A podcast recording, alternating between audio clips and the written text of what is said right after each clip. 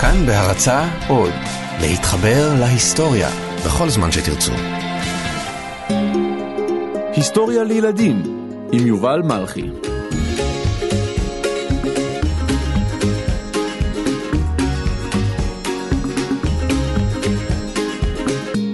פרק מספר 6 ווינסטון צ'רצ'יל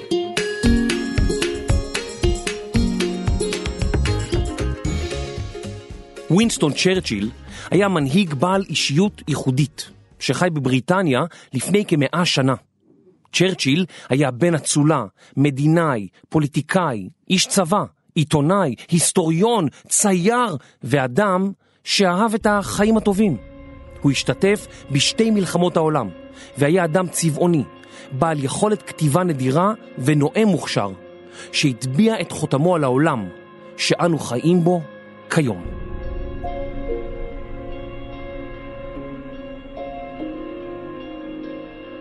צ'רצ'יל נולד בשנת 1874 למשפחה מיוחסת ועמידה. אביו היה מדינאי בריטי ושר האוצר בממלכה, ואימו הייתה בתו של מיליונר אמריקני. בילדותו לא ראה צ'רצ'יל הרבה את הוריו, מפני שהם היו עסוקים מאוד. אביו היה פוליטיקאי ומדינאי, ולכן שהה רוב הזמן מחוץ לבית. אמו של צ'רצ'יל הייתה אמריקנית, ונהגה ללכת למסיבות ולבלות עם חברים ומאהבים מפורסמים ורבי עוצמה. שניהם לא הקדישו לו זמן רב. משהגיע לגיל בית הספר, נאלץ ווינסטון להחליף בתי ספר לעתים תכופות, משום שלא הסתדר עם מוריו ועם המשמעת בבית הספר. כשהיה בן שמונה, נשלח לפנימייה יוקרתית ונוקשה, שבה הילקו ילדים סוררים כחלק מתוכנית הלימודים. הילקו, זאת אומרת, היכו. ווינסטון היה תלמיד קשה ומרדן, וזו הייתה אחת התקופות האיומות בחייו. הוא אמר על עצמו, אני אוהב ללמוד, אבל לא תמיד אני אוהב שמלמדים אותי.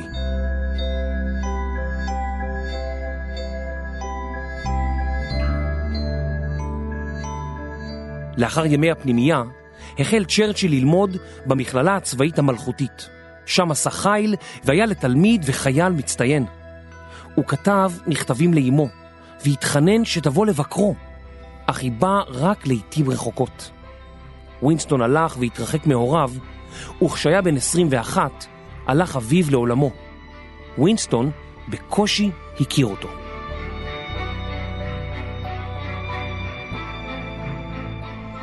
לאחר שסיים בהצלחה את לימודיו בפנימייה הצבאית, התגייס ווינסטון צ'רצ'יל לצבא הבריטי.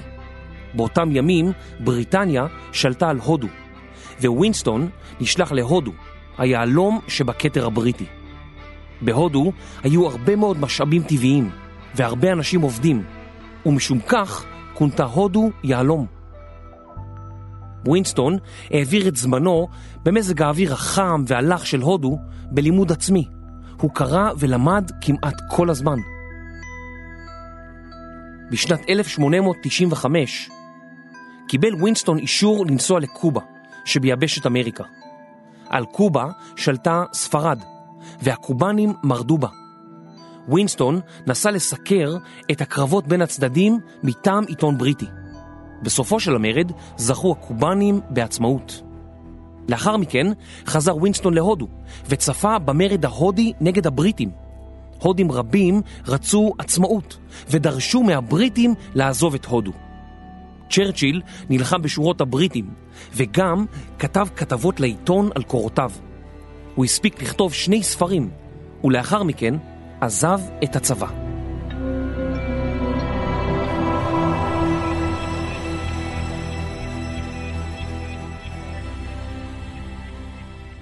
בסוף שנת 1899 פרצה מלחמה בדרום אפריקה בין בריטניה ובין הבורים, מתיישבים ממוצא הולנדי שהתגוררו בדרום אפריקה.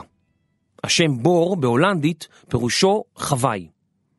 עיתון בריטי שכר את שירותיו של ווינסטון צ'רצ'יל ושלח אותו להיות כתב צבאי ולסקר את הקרבות בין הצדדים.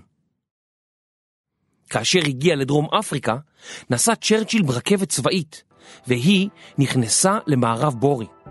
צ'רצ'יל נתפס והוחזק במחנה שבויים. הוא הצליח להימלט מהמחנה וצעד מרחק כ-480 קילומטרים כדי להימלט מהבורים.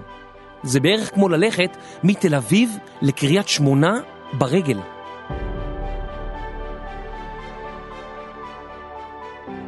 עד מהרה נודע סיפור בריחתו הנועזת בכל אנגליה, והוא הפך לגיבור לאומי בבריטניה. בשנת 1900 נבחר צ'רצ'יל בן ה-26 לפרלמנט הבריטי מטעם המפלגה השמרנית.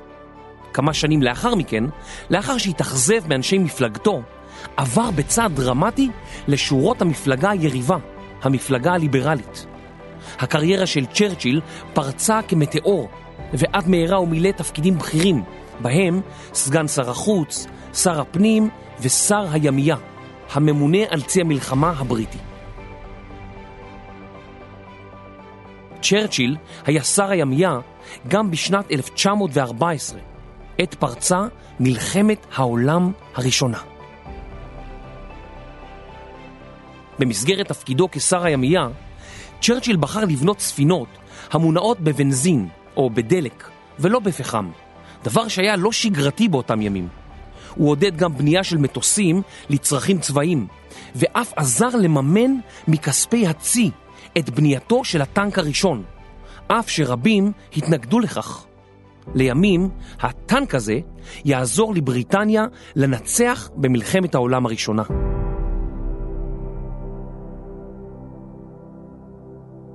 בשנת 1915, הבריטים רצו להפתיע את האימפריה העות'מאנית ולהכניעה במהירות. העות'מאנים, או הטורקים, נלחמו בצד גרמניה ואוסטרו-הונגריה, שהייתה אז מדינה אחת, כנגד צרפת, בריטניה, איטליה וארצות הברית, שהצטרפה אליהן מאוחר יותר. הבריטים, ביוזמת צ'רצ'יל, תכננו להנחית כוחות בדרומה של טורקיה, וציפו שהכוחות יפרצו קדימה ויכבשו בתוך ימים אחדים את הבירה הטורקית. בין הכוחות שנחתו בחצי האי גליפולי הייתה גם יחידה של לוחמים יהודים, גדוד נהגי הפרדות, שהובילו תחמושת ואספקה לעמדות הקדמיות, כשכדורים מופגזים שורקים מעל ראשיהם. עשרות מחיילי היחידה נהרגו ונפצעו בקרבות. המתקפה בגליפולי לא הצליחה, וחיילי האימפריה הבריטית, בריטים, אוסטרלים וניו זילנדים, ספגו אבדות רבות, פצועים והרוגים. צ'רצ'יל טען כי התוכנית שהגה הייתה מצוינת, וכי הכישלון היה של הדרג המבצע, של המפקדים בשטח. למרות זאת, הוא פרש מהממשלה, התגייס שוב לצבא, ונשלח לשדות הקרב באירופה. הוא היה כבר בן 41.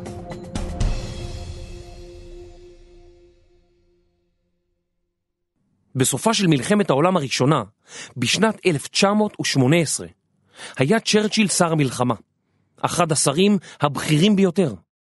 הוא מונה גם לשר המושבות, שהיה אחראי על כל המושבות של בריטניה. לאחר מלחמת העולם הראשונה, שלטה בריטניה גם על פלסטינה ארץ ישראל, וצ'רצ'יל האמין שהיהודים זכאים להקים בית לאומי משלהם בפלסטינה, אך שגם לערבים המתגוררים במקום יש זכות למדינה. בשנת 1929 חזר צ'רצ'יל לשורות המפלגה השמרנית, אך היא הפסידה בבחירות. צ'רצ'יל החל להתרחק מהנהגת מפלגתו ולעסוק בכתיבה ובציור, הרחק מאור הזרקורים, במה שכונה שנות המדבר של צ'רצ'יל. באותה עת נראה כי ימיו של צ'רצ'יל כפוליטיקאי מפורסם תמו.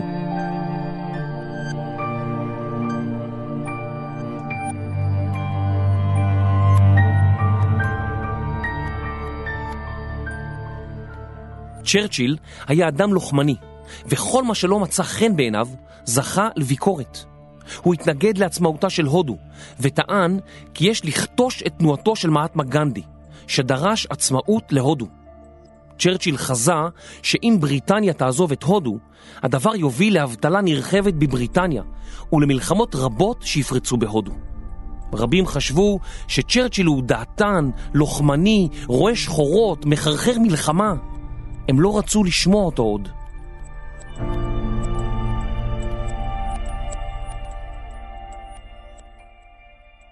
באותם ימים עלה לשלטון בגרמניה אדולף היטלר. הוא דגל באידיאולוגיות או במחשבות ורעיונות שהעם היהודי מסוכן לגרמניה ולעולם כולו. עד מהרה הוא ביטל את הדמוקרטיה הגרמנית והפך לדיקטטור. למרות שהפר הסכמים בינלאומיים ולמרות כל ההתרסות של היטלר, מדינות אירופה לא רצו עוד מלחמת עולם, והן בחרו לשתוק. צ'רצ'יל יצא בחריפות נגד מדיניות הפייסנות הבריטית כלפי גרמניה הנאצית, אבל הוא היה כמעט יחיד בדעתו. פייסנות היא הדרך שבה מעדיפים לסיים סכסוכים בלי מאבק, לעתים לאחר ויתורים. רבים מחברי מפלגתו של צ'רצ'יל, וכן המפלגה היריבה, דעת הקהל, העיתונות והאקדמיה, תמכו במדיניות רכה כלפי גרמניה, בתקווה שהיטלר ייעלם ומלחמה גדולה תימנע. עם התחזקותה של המפלגה הנאצית, החלו אנשים להקשיב יותר לצ'רצ'יל, שטען כל הזמן כי גרמניה הנאצית מסוכנת. כמה מתומכיו היו חברים בממשלה, והיו באים אליו עם מסמכים סודיים שהראו כי בריטניה יודעת שגרמניה מייצרת ואוגרת נשק רב, אך בוחרת להתעלם מכך.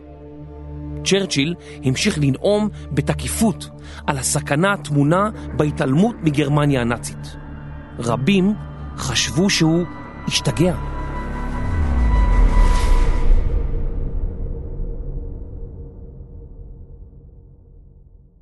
ראש ממשלת בריטניה באותם ימים, נביל צ'מברליין, נפגש עם היטלר וחזר לארצו, ובידו חוזה שלום.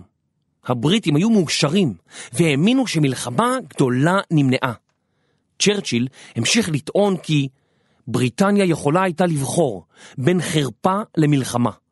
היא בחרה בחרפה, ותזכה במלחמה. במילים אחרות, לדעת צ'רצ'יל, עצם העובדה שבריטניה בחרה לשתוק, תוביל לכך שהיטלר יחשוב שהוא יכול לעשות מה שהוא רוצה, והדבר יוביל למלחמה. בשנת 1939 פלש היטלר לפולין, לאחר שבריטניה וצרפת הזהירו אותו שהן ייאלצו להילחם נגדו אם יעשה זאת. לפתע היה ברור לכל כי צ'רצ'יל צדק כל הזמן. צ'רצ'יל הוחזר לממשלה ומונה לשר הממונה על צי המלחמה הבריטי. גרמניה הנאצית לא עצרה. ובאביב 1940 פלשה לצרפת, לבלגיה, להולנד ולמדינות אחרות. צ'רצ'יל, שהזהיר שכך יהיה, מונה עתה לראש ממשלת בריטניה. הוא החל לחזק את ידי הצרפתים במלחמתם נגד הגרמנים, ואף טס לפריז בעיצומה של המלחמה, כדי להבהיר לעם הצרפתי שהוא איננו פוחד.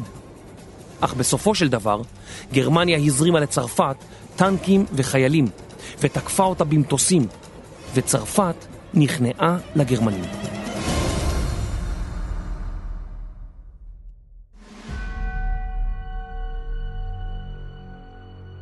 צ'רצ'יל האמין שעליו לעודד את עמו ואת כל מי שהתנגד להיטלר. הוא נאם בפרלמנט הבריטי ואמר, אנחנו נמשיך עד הסוף. אנחנו נילחם בצרפת, נילחם בים ובאוקיינוס, נילחם בבטחה ובכוח מוגבר באוויר. אנחנו נגן על האיש שלנו, ויהיה המחיר אשר יהיה.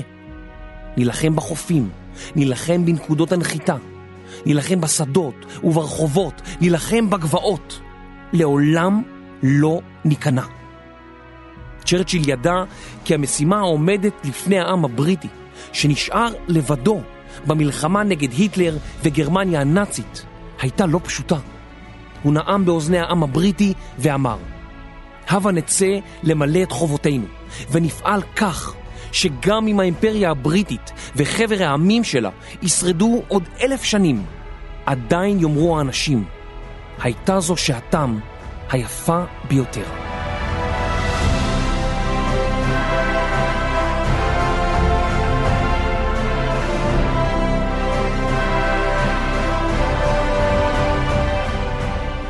נאומיו של צ'רצ'יל נטעו תקווה בליבותיהם של הבריטים ושל מתנגדים אחרים שקמו לנאצים.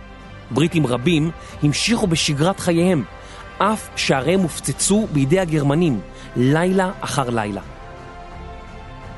הטייסים הבריטים נלחמו בעוז בטייסי הקרב הגרמנים מעל שמי לונדון, וצ'רצ'יל אמר על הטייסים הבריטים כי הם מחוללים מפנה של ממש במלחמת העולם, הודות לגבורתם ומסירותם.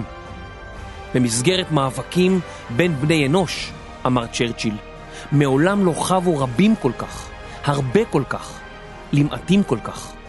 כל הלבבות יוצאים אל טייסי הקרב שלנו, שאת מבצעיהם המרהיבים אנו רואים במו עינינו, יום אחר יום. את צ'רצ'יל ליוותה כל אותו זמן אשתו קלמנטיין, שלה היה נשוי כבר זמן רב. קלמנטיין דאגה לעודד את בעלה כאשר מצב רוחו היה ירוד, ואף התנדבה בכמה ארגונים כדי לעזור לאנשים נזקקים בבריטניה ובברית המועצות. במהלך המלחמה נסע צ'רצ'יל לזירות המלחמה השונות. הוא שט באוקיינוס האטלנטי כדי לפגוש את נשיא ארצות הברית. הוא ביקר חיילים בשדות הקרב של צפון אפריקה, ואפילו הגיע לפגישה עם סטלין במוסקבה. עמידתו האיתנה סימנה לבריטים כי מנהיגם היה אדם שלא היה אפשר להפחיד בקלות. צ'רצ'יל לא רק אמר שבריטניה לעולם לא תיכנע, אלא הוא הראה במעשים שהוא גם התכוון לכך. בשבעה במאי של שנת 1945 הצליחו צבאות ארצות הברית, ברית המועצות ובריטניה להכניע את גרמניה הנאצית. עשרות מיליוני אנשים איבדו את חייהם במלחמה הזאת, שלימים כונתה מלחמת העולם השנייה, ופליטים רבים נאלצו להתחיל את חייהם מחדש. אירופה הייתה הרוסה, ורבים תהו כיצד ייראה עתידה.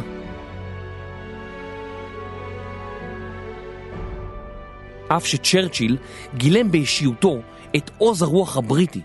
בבחירות שנערכו מיד לאחר המלחמה, הובסה מפלגתו, והוא נאלץ לפרוש מתפקיד ראש הממשלה. אבל צ'רצ'יל לא נח. הוא נשאר דמות מפתח בפוליטיקה בבריטניה, והמשיך להשפיע על דעת הקהל העולמית. צ'רצ'יל חשש מאוד מברית המועצות ומסטלין. לרופאו אמר פעם כי הוא פוחד מסטלין יותר מאשר מהיטלר. לאחר המלחמה נחלקה אירופה לגוש בשליטה סובייטית וגוש בשליטה אמריקאית. הסובייטים השתלטו על כל מזרח אירופה והכתיבו למדינות הללו מה לעשות. באחד מנאומיו באוניברסיטה בארצות הברית טען צ'רצ'יל כי מסך ברזל ירד על מזרח אירופה וכי אי אפשר לדעת מה קורה מאחוריו. הוא אמר באותו נאום שהוא מחבב את אזרחי ברית המועצות, אך חושש מהסכנה הקומוניסטית ומסטלין, שליט ברית המועצות. בשנות החמישים נבחר צ'רצ'יל שוב לרשות הממשלה. ההיסטוריה תהיה נחמדה אליי, הוא אמר פעם, כי אני מתעתד לכתוב אותה. במשך חייו הוא כתב עשרות ספרי היסטוריה, ובהם ארבעה כרכים על ההיסטוריה של העמים דוברי האנגלית.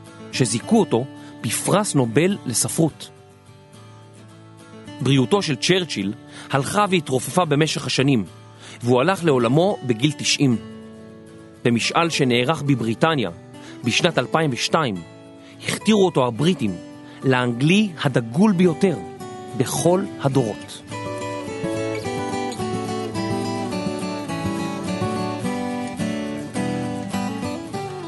בהכנת הפרק השתתפו גם רני שחר, אסף רפפורט, סמדר כהן ואייל שינדלר. ניפגש בפרק הבא של היסטוריה לילדים.